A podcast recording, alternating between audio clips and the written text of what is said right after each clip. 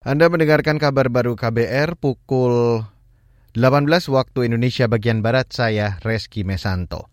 Saudara LSM Pegiat Hak Asasi Manusia Kontras mendesak DPR dan pemerintah membuka ruang bagi masyarakat untuk ikut berpartisipasi membahas dan memberikan masukan terkait pasal-pasal bermasalah dalam rancangan Kitab Undang-Undang Hukum Pidana atau RKUHP. Kepala Divisi Hukum Kontras Andi Muhammad Rezaldi mengatakan, masih banyak pasal di RKUHP yang bermasalah dan berpotensi mengganggu kebebasan warga negara. Jadi maksudnya partisipasi bermakna ini itu kita diberikan hak untuk hak untuk dipertimbangkan dan hak untuk mendapatkan penjelasan atau jawaban atas pendapat yang disampaikan begitu. Jadi nggak hanya formalitas begitu. Itu yang pertama. Yang kedua, kami juga mendorong pada DPR untuk tidak sege, untuk tidak secara tergesa-gesa mengesahkan draft RKUHP yang baru ini begitu. Jadi perlu ada pembahasan yang berlanjut begitu karena ada sejumlah pasal-pasal yang bermasalah. Kepala Divisi Hukum LSM Kontras Andi Muhammad menyayangkan sikap pemerintah dan DPR yang selama ini menggelar pembahasan RKUHP secara tertutup. Padahal aturan KUHP akan berpengaruh pada semua lapisan masyarakat. Sebelumnya pemerintah telah menyerahkan draft RKUHP ke DPR. Draft ini berisikan 632 pasal.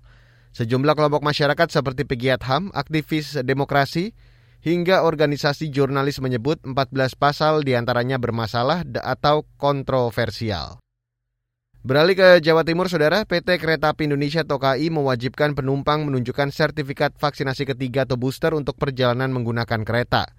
Aturan ini menindaklanjuti surat edaran dari Kementerian Perhubungan.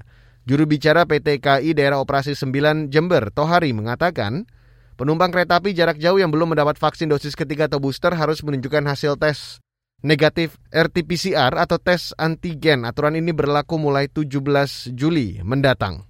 Pelanggan yang baru vaksin dua itu harus menyertakan hasil negatif rapid tes antigen yang berlaku satu kali 24 jam atau hasil dari swab PCR yang berlaku tiga kali 24 jam. Sedangkan yang masih eh, vaksin satu harus menyertakan hasil dari negatif uh, swab PCR yang berlaku satu kali 24 jam.